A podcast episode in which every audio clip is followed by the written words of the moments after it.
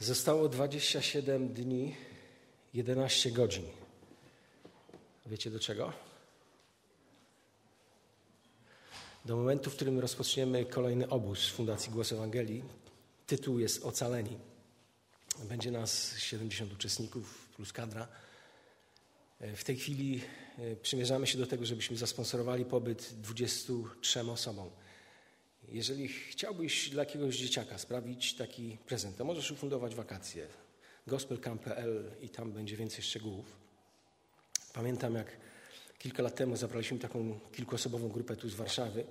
Jechała z nimi y, dziewczyna, która jest psychologiem i gdy ta podróż trwała około 6-7 godzin i gdy wreszcie e, dojechali na miejsce, to ta dziewczyna pyta tego chłopaka, który ma 17 lat, dlaczego spałeś? A mówi, proszę Panią, ja już od dwóch dni nie mogłem spać, tak bardzo czekałem na ten obóz. To, jest, to są pierwszy obóz, pierwsze wakacje, na które wyjadę z domu. Jest teraz taka grupa dzieciaków z Bydgoszczy, y, która jest bardzo podekscytowana, takich biednych dzieci, które przyjadą. Nie zdajemy sobie sprawy, w jakich warunkach żyją niektóre dzieciaki. Każdego dnia o 7.10 chcemy się modlić o ten obóz. Od poniedziałku do piątku przez 10-15 minut. Jeżeli komuś jest bliskie to, co dzieje się w życiu młodych ludzi, to zapraszam, żebyś był w tym czasie. 7.10 od poniedziałku do piątku. Jest grupa ludzi, którzy systematycznie modlą się e, o ten czas.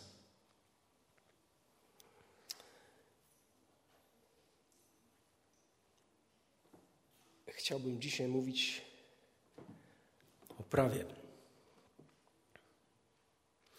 Wyszukałem w internecie taką najbardziej przyjazną definicję prawa, jaką mogłem znaleźć i zacytuję. Prawo jest to zespół norm i zasad obowiązujących w społeczeństwie, a ustalonych odgórnie przez państwo, których naruszenie grozi rygorystycznymi karami. Prawo jest również rozumiane jako zbiór uprawnień nadanych obywatelowi, zapisanych we wszelkiego rodzaju aktach normatywnych i uznanych powszechnie za obowiązujące.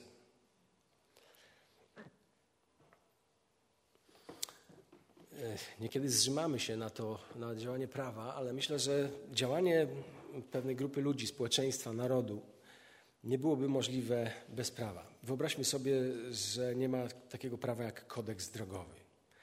Podejrzewam, że w takiej liczbie, przy tak funkcjonującej rzeczywistości, dzisiaj by, byśmy tu się nie znaleźli, prawda? Jakby każdy decydował, kto ma pierwszeństwo, na jakim świetle może przejechać, byłby problem. Są różnego rodzaju prawa. Są prawa wyborcze, są, e, nie wiem, nawet, nawet w świecie sportu mamy Mamy prawa, może nie nazywamy je prawami, ale regułami, zasadami gry, prawda? I, I, jak się kogoś sfauluje na przykład na polu karnym, to jest dość mocna sankcja. I wszyscy gracze i wszyscy oglądający oczywiście się z tym zgadzają, uważają, że to jest jak najbardziej właściwe, żeby grać zgodnie z tymi regułami. Przyzwyczailiśmy się do tego, że do prawa po prostu, do tego, że ono jest. Ale zaczynamy żyć w czasie, w którym stałość praw zaczyna być bardzo płynna. Prawo zaczyna się bardzo szybko zmieniać. E, przedtem byliśmy przyzwyczajeni do takiej stałości tych praw, ale teraz jest taki ciągły ruch. Modyfikacją to prawo ulega. E, mówi się, że powinniśmy dążyć do tego, żeby naród jako taki był suwerennym, był, że był suwerenem. To znaczy, że naród ma być swoim własnym prawodawcą. Rzeczy mają się dziać. Prawo ma być takiego rodzaju, na jakie zdecyduje się dane społeczeństwo, dany naród. E, są różnego rodzaju prawa. Wiemy, że najwyższym prawem w Polsce jest konstytucja i wobec tego prawa są inne, te prawa, że tak powiem, podporządkowane. E, teraz żyjemy w takiej rzeczywistości, że część naszej rzeczywistości jest kontrolowana przez prawo krajowe, prawo europejskie. Zaczynamy widzieć e, pewne e, no, tarcia na, na, na styku działania tych, tych, tych praw. Czyli prawem zwykle uważamy to, co ustanawiają ludzie i później to egzekwują za pomocą aparatu przymusu. Czyli prawo uważamy, że jest czymś, co pochodzi od ludzi. Natomiast, natomiast gdy Biblia, natomiast gdy Biblia mówi o prawie, to mówi o czymś, co nie pochodzi od ludzi. Gdy Pismo Święte mówi o prawie, to mówi o tym, co nie pochodzi od ludzi, ale co ludziom zostało dane. Przykład. Pomyślmy przez chwilę o prawach natury. Jeżeli mamy przedmiot zawieszony na sznurze i weźmiesz nożyczki i przetniesz tą sznur, to nie musisz być prorokiem, żebyś wiedział, co się stanie z tym przedmiotem. Zgadza się? Spadnie. Działo prawo. Prawo ciążenia. I wolny i suwerenny obywatel Polski czy Europy niczego tu zmienić nie może. Żadne głosowanie demokratyczne niczego tutaj nie przesunie i nie zmieni. Dlaczego tak jest? Pewnego dnia Stwórca tak zadecydował i tak poustawiał rzeczywistość. To, że Ziemia na swojej drodze dookoła Słońca potrzebuje 365 dni, tego żadne referendum krajowe, europejskie czy światowe nie zmieni. Po prostu. To prawo, o którym mówi ta księga, jest prawem, które pochodzi od Boga, jest nam dane, ono nie zależy od nas. I to, że Ziemia potrzebuje 365 dni na dokonanie tego, te, tego okrążenia Słońca, to żadne referendum tego nie jest w stanie i nigdy nie zmieni. Po prostu tak jest. Dlaczego? Stwórca tak zadecydował. Przyjrzyjmy się przez chwilę prawom, które rządzą naszym myśleniem. Tego faktu, że dwa dodać dwa równa się cztery, żadna światowa rada, ONZ-owska rada tego nie zmieni. Nawet gdy będą wszyscy jednomyślnie głosowali, że jest inaczej. Tak po prostu jest. Stwórca tak zadecydował. I temu prawu można się tylko poddać. O tym wie każdy, nawet najbardziej zagorzały demokrata. Tu mamy do czynienia z przymusem, tutaj nie można niczego utargować. Tak po prostu jest. Ale czy powstaje pytanie, czy takie same, nieodwracalne prawo, niezmienialne prawo istnieje tylko w tych sferach, które tylko wymieniłem? Czy inne sfery życia również są kontrolowane przez tego rodzaju prawa ustanowione przez Pana Boga? Większość ludzi tak myśli. Człowiek jest wolny. Człowiek może robić to, na co ma ochotę. Człowiek może czynić to, co mu się cokolwiek podoba. Kto może mu cokolwiek nakazać? Jako ludzie zrozumieliśmy, że wiele potrafimy. Potrafimy, nie wiem, z wody, za pomocą siły wody możemy tworzyć, produkować elektryczność, możemy rozszczepić atom, możemy dysponować w ten sposób potężną energią. Możemy ukierunkować laser w ten sposób, że będzie ciął potężne skały, potężne mury, ale równocześnie ten laser możemy tak ukierunkować, że będzie dokonywał najbardziej delikatnych, precyzyjnych operacji na Twoim oku. Wiele potrafimy jako ludzie, wiele możemy. Człowiek przebija góry,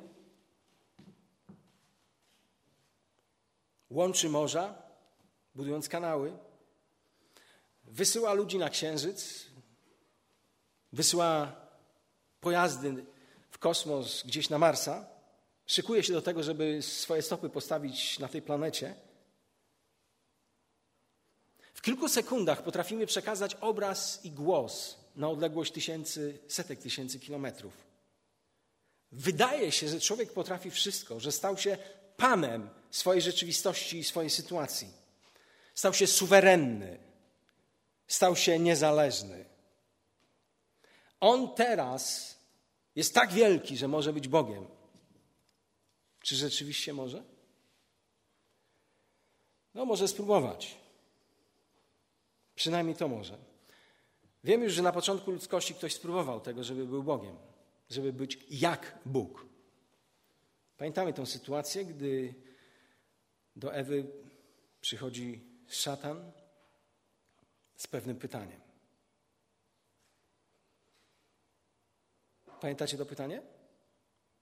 Czy rzeczywiście Bóg powiedział, że nie z każdego drzewa jego owocu możecie jeść? Czy rzeczywiście? No i Ewa powiedziała, tak, ze wszystkiego możemy jeść, z wyjątkiem jednego drzewa, które jest w środku. Jeszcze dodała do tego, co Pan Bóg powiedział, bo Pan Bóg tego nie powiedział, że nie możemy tylko jeść, ale powiedziała, że nie możemy go dotykać. Tego Pan Bóg nie powiedział, ale ona tak aż była bardzo nader posłuszna w tym momencie. I co diabeł powiedział? Na pewno, na pewno nie umrzecie. No i co się włączyło? Jeszcze więcej podkręcił. Powiedział, nie tylko w, w, pewne stwierdzenie, które było totalnym kłamstwem, powiedział, ale powiedział, że jest coś, czego Bóg przed wami, co przed wami chowa. Podkręcił ciekawość. Bóg wie, że jak spróbujecie, to staniecie się jak On. Poznacie dobro i zło. Jest napisane, że Ewie ten pomysł się spodobał. E, miłe na wejrzeniu było to, to, ten owoc, który miała wziąć, dobre do jedzenia i dobre do poznania. I podjęła decyzję, że zrobi to, czego Pan Bóg nie chciałby człowiek robił. Wiesz, że to, co powiedział diabeł, staniecie się jak Bóg, Bóg tego nie zanegował? Oto człowiek stał się taki jak my, zna dobro i zło. Cytuję w, tym, w tej chwili słowa Boga. Więc co tak się naprawdę stało? Kto decyduje o tym, co jest dobre, co jest złe, co jest właściwe, co jest niewłaściwe? Tylko jeden. Bóg. I nagle człowiek wszedł na ten piedestał, który nigdy mu się nie należał i nie należy i nie będzie należał. Zajął miejsce Boga, to znaczy, że teraz on będzie decydował to, co się. Że musi decydować, co jest dobre, a co jest złe, bo stał się jak Bóg. A to Bóg określa, co jest dobre i co jest złe. Czyli skoro znalazł się w tym miejscu, to teraz musi dokonywać wyborów, co jest dla niego dobre, a co jest złe. A wiesz, co jest tragedią tej, tej sytuacji? Człowiek wie, że musi dokonywać tych wyborów, gdy zignorował Boga, ale nigdy, nigdy nie ma pewności, że to, co nazywa dobrem, jest dobrem, a to, co nazywa złem, jest złem. Wie, że to jest napi- tu jest napięcie, musi wybierać, ale nigdy nie wie, czy dobrze wybiera. I nie może dobrze wybierać. Wiesz dlaczego? Bo to, co jest dobre, to wiesz, kto tylko wie? Bóg. Człowiek wiedział najpierw to, co było dobrem, bo miał łączność z Bogiem, ale gdy ta łączność została przecięta, to nawet to dobro, które znał, przestało być dobrem. I człowiek jest w tym dylemacie. I to, co dzisiaj możemy oglądać w świecie, to jest dokładnie powtórka tego, co się stało w trzecim rozdziale Księgi Genezis. Człowiek się lubi chełpić. Człowiek się lubi wynosić. Może mieć ktoś silny głos, może ktoś mieć bardzo silny głos, może ktoś mieć tak silny głos, że zostanie uznany i zapisany w księdze Guinnessa, że jest człowiekiem, który ma najsilniejszy głos na świecie. Ale jeżeli ten człowiek spróbuje swoim głosem przebić uderzenie pioruna, to to będzie śmieszne, banalne, nijakie.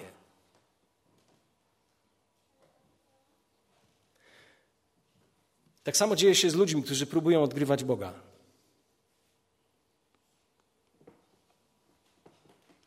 Choć człowiek jest aż tak wielki, to pewnego dnia okazuje się, że wszechmogącym to on nie jest i stwórcą to on nie jest. Otóż pewnego dnia pakuje go się w sześć deseczek, mniej albo lepiej heblowanych, zakopuje się do grobu i gnije ten rzekomy Bóg. I tu niczego chcieć i niczego zmienić już nie można.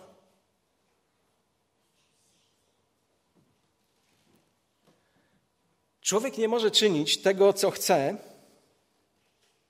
z tego powodu, że nie należy do siebie, ale należy do tego, który go stworzył.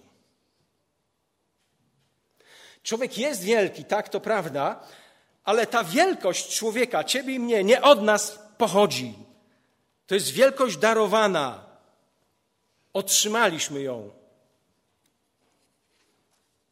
To jest wielkość pożyczona, to jest dar. A z tym darem jest złączone zadanie. Im więcej jest człowiekowi dane, tym więcej się od niego wymaga. Kto wymaga? Kto oczekuje? Ten, który dał mu ten dar. Tak naprawdę człowiek, ja i ty nie jesteśmy właścicielami tego życia i darów, którym jesteśmy obdarowani. Jesteśmy zarządcami bardziej, menadżerami, mówiąc współczesnym językiem, i zostaniemy rozliczeni z tego, co z tym robimy. I dlatego żąda się od człowieka zdania sprawy odpowiednio do tego, co powinien ze swoim życiem i swoimi darami uczynić. Zgodnie z wolą Bożą. I ta wola Boża jest prawem. To, co chce Bóg, jest prawem. Bóg nie ma jakiejś specjalnej skrytki czy jakiegoś dysku, w którym musi się zorientować, co jest dobre. To jest pra, pra, prawe albo nieprawe. Nie. To, co On chce, jest zawsze prawem.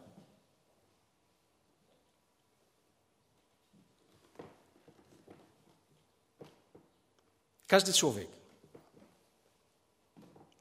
Żyd, muzułmanin, chrześcijanin, wierzący, niewierzący, mocno wykształcony człowiek, prosty, wie, każdy z nich wie coś o tym prawie. Każdy ma świadomość odpowiedzialności. Każdy czuje, że nie może czynić tylko tego, co by chciał, albo co mu się dobrym wydaje, albo co mu jest odpłacalnym. Wiemy, że istnieje prawo, że tak i tak masz czynić, a tak i tak nie powinieneś czynić. I to jest jakby wkodowane we wnętrze każdego z nas. A jeżeli człowiek twierdzi, że nic o tym nie wie, to sumienie zadaje mu kłam. Sumienie, którego oskarża, gdy robi to, czego nie powinien, albo gdy nie robi to, co powinien. Nie ma człowieka bez sumienia. To sumienie może być zniekształcone, może niewłaściwie wskazywać tak, jak Bóg zaplanował, ale ono zawsze jest. To prawo Boże zostało wryte w ludzkie serce. Ale pomimo tego zapisu prawa Bożego, jakie dał do ludzkiego serca, do ludzkiego sumienia, Bóg jeszcze w szczególny sposób pewnego dnia w ludzkiej historii postanowił je objawić. Jak zaczniemy czytać pierwsze księgi Biblii, to widzimy, że wśród grzmotów, błyskawic Mojżesz otrzymał na górze Synaj zakon. Przyniósł go narodowi izraelskiemu na kamiennych tablicach.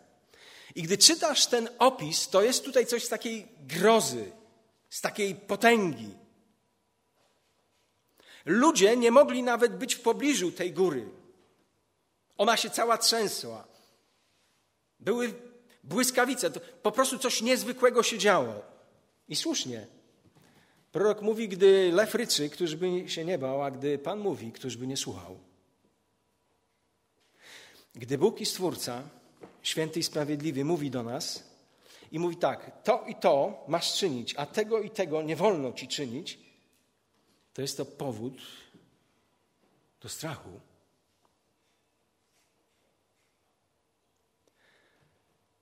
Bóg co prawda nie, nie oczekuje i nie żąda od nas takich rzeczy, które by nas przerażały. Czego On żąda? Tego, co jest Tobie mi do życia konieczne. Tego żąda, tego oczekuje. Mamy to prawo, dziesięć przykazań. Wyobraź sobie, że pojechałeś do Australii i możesz pływać w oceanie. Ciepła woda, ale nie, tam nie tylko ciepła woda jest. Co tam jeszcze jest u wybrzeży? No rekiny tam są. Wiecie, ja tylko raz byłem w tym kraju, ale nie miałem żadnej przyjemności w dalekim pływaniu. Czasami na Bałtyku to potrafi kilometr, dwa pójść sobie w morze i wrócić, a tam nie pływałem dalej niż na 200 metrów. Wiesz dlaczego? Bo w tyle głowy ciągle jest myśl. Tam może być rekin. I gdy jesteś nad wybrzeżem tego oceanu w Australii, ciepła woda, fajne warunki, pełnia lata, to chciałbyś się kąpać w takim miejscu, gdzie są na przykład takie stalowa siatka, która ciebie ochrania i tam możesz pływać, czy chciałbyś pływać bez tej siatki, żebyś czuł pełną wolność? Gdzie wolałbyś pływać? I rozumiem, jakbyś w środku pływał, to nie uważałbyś tej siatki czy tych prętów za, to, za, za przedmioty, które ograniczają Twoją wolność. One raczej chronią Twojego bezpieczeństwa. Zgadza się? Bóg ustanowił prawa, dziesięć przykazań. Wiesz po co? Żeby zapewnić mi i Tobie bezpieczeństwo. Żebyś zaczął żyć po ludzku, zgodnie ze stworzeniem. Po to mi je dał. Po to je dał ludzkości.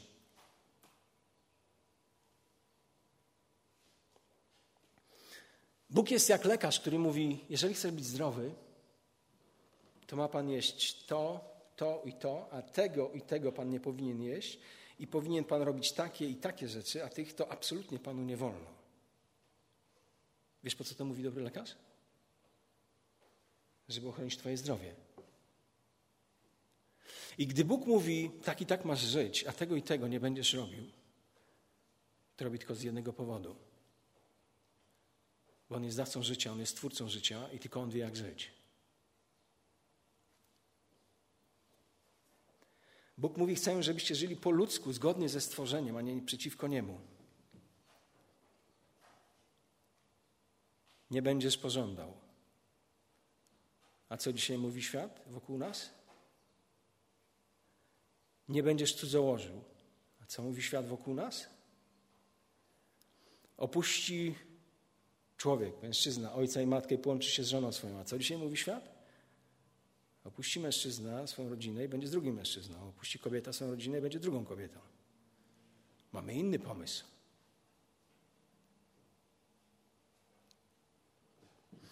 To Boże, ja chcę jest dla nas przerażające, bo gdy Bóg mówi ja chcę, to to obowiązuje. Gdy Bóg mówi ja chcę, to to obowiązuje w sposób bezwzględny. To znaczy, że Bóg zupełnie na serio myśli, gdy wypowiada te słowa. Wiecie, bardzo często na te przykazania patrzymy jako na taką właśnie coś, co nas zniewala. Ale stara Biblia e, Gdańska, tłumaczenie mówi tak: Nie będziesz założył, nie będziesz kradł, nie będziesz zabijał, czyli wolno ci będzie żyć taką jakością życia. Inni muszą kraść. 5% ludzi na żyjących na świecie posiada 90 ponad procent tego, co należy. Oni muszą kraść. Tak układają rzeczywistość, że to wszystko do nich zaczyna spływać. A Bóg mówi, nie będziesz kradł. Będzie ci wolno żyć taką jakością życia, że nie będziesz założył, nie będziesz pożądał. Inni muszą, są na to skazani ze względu na upadłą naturę. A tobie dam taką jakąś życia, że będziesz od tego wolny. I nagle przykazania nie są klatką, a są przyzwoleniem, są wypuszczeniem na wolność, jakiej nie mają inni ludzie.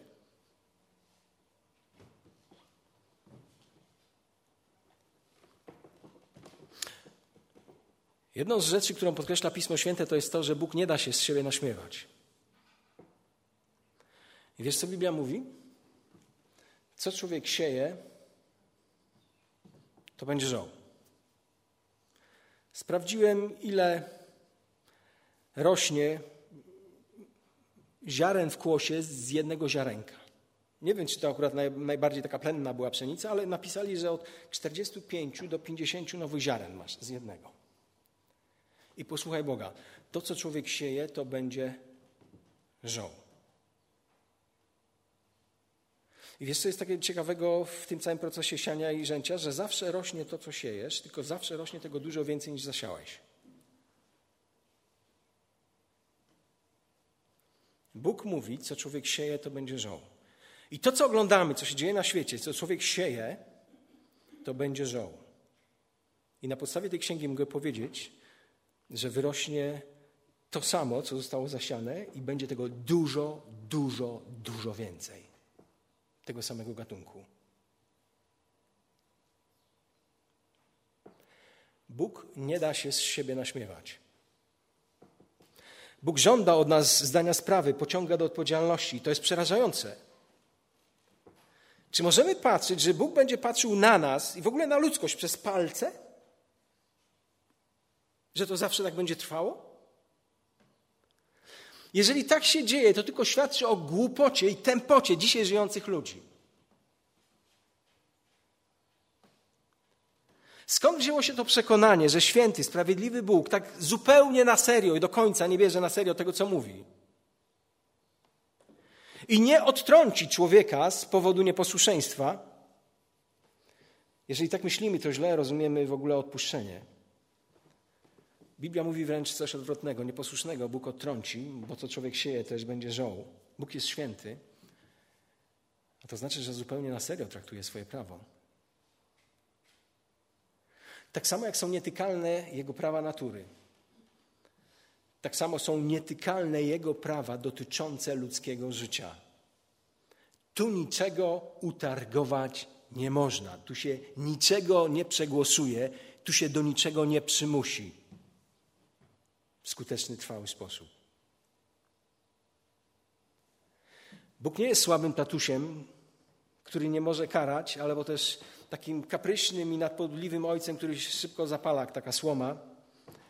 Bóg jest sprawiedliwy i odpłaci człowiekowi dokładnie to, na co on zasługuje. A jeżeli tak rzeczywiście jest, to czy to nie jest powód, żebyśmy się na tym zatrzymali, przerazili? Czy to nie brzmi poważnie, że ten Bóg każdego z nas weźmie do odpowiedzialności?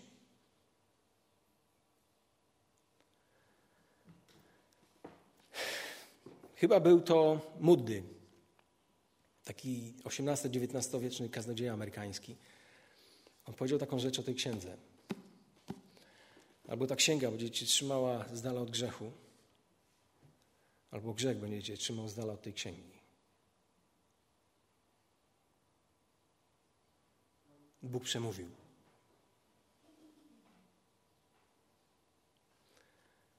Podarował ci samego siebie. Ty jesteś darem od Boga dla, dla siebie samego. Tyle wspaniałych rzeczy ci dał. I tylko On wie, jak najlepiej może żyć, jak najlepiej mogę żyć. A jak to robić? Napisał w tej księdze. Zajęło mu to półtora tysiąca lat, zanim ją spisało 40 ludzi, którzy pisali w trzech językach, na trzech kontynentach na przestrzeni 1500 lat. Pisali nie na jeden, ale na setki kontrowersyjnych tematów. Gdybyś dzisiaj poszedł do średniej szkoły i zadał maturzystom takie zadanie, żeby napisali, w czter... byłoby ich 40, żeby napisali, co jest sensem ludzkiego życia. Taką pracę każdy z nich miałby napisać na maturze. Ile miałbyś podobnych prac, które mówiły, były, zgadzały się odnośnie tego, co jest sensem ludzkiego życia? Więc ci gwarantuję, żadnej. Ta księga pisze na setki kontrowersyjnych tematów. Jest niesamowicie spójna. Bóg sprawił, że powstała jedna księga. Czy możesz sobie pozwolić, żeby jej nie znać? Żeby jej nie czytać? I Bożym zamiarem nie jest, żeby się czytał, żebyś się bał, ale to jest instrukcja, jak żyć zgodnie ze stworzeniem, a nie przeciwko niemu. Gdy zaczniesz się czytać, pierwszą rzeczą, jaką ci pokażę, to prawdziwy Twój stan. I to cię przerazi. Ale to nie jest jedyne przesłanie tej księgi. Ta księga pokaże ci, co ten dobry, kochający Bóg zrobił, żeby cię uwolnić od kary za grzech, którą jest śmierć.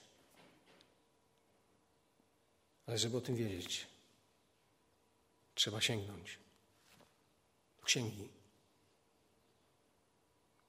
do Bożego prawa. Podsumowując, Biblia powiada, że prawem jest nie to, co ludzie ustanowili, ale to, co ludziom zostało darowane, dane. Mówiliśmy o prawach kontrolujących fizyczną rzeczywistość, nasze myślenie. I ta księga również mówi, że w taki sam sposób to nasze duchowe, wewnętrzne życie jest kontrolowane przez Boże prawo. I to prawo zostało nam dane nie po to, żeby nas ograniczyć, stłamsić, ale po to, by pozwolić nam żyć zgodnie ze stworzeniem, a nie przeciw niemu. I ta księga również mówi, że Bóg bardzo na serio traktuje to, co mówi. I to, co człowiek sieje, będzie żoł. I będzie rosło w tym samym rodzaju, tylko wielokrotnie więcej. Zła. Jeżeli chcesz, żeby dobre rzeczy zaczęły się pojawiać, rosnąć w Twoim życiu, zacznij w nim siać dobre ziarno Bożego Słowa.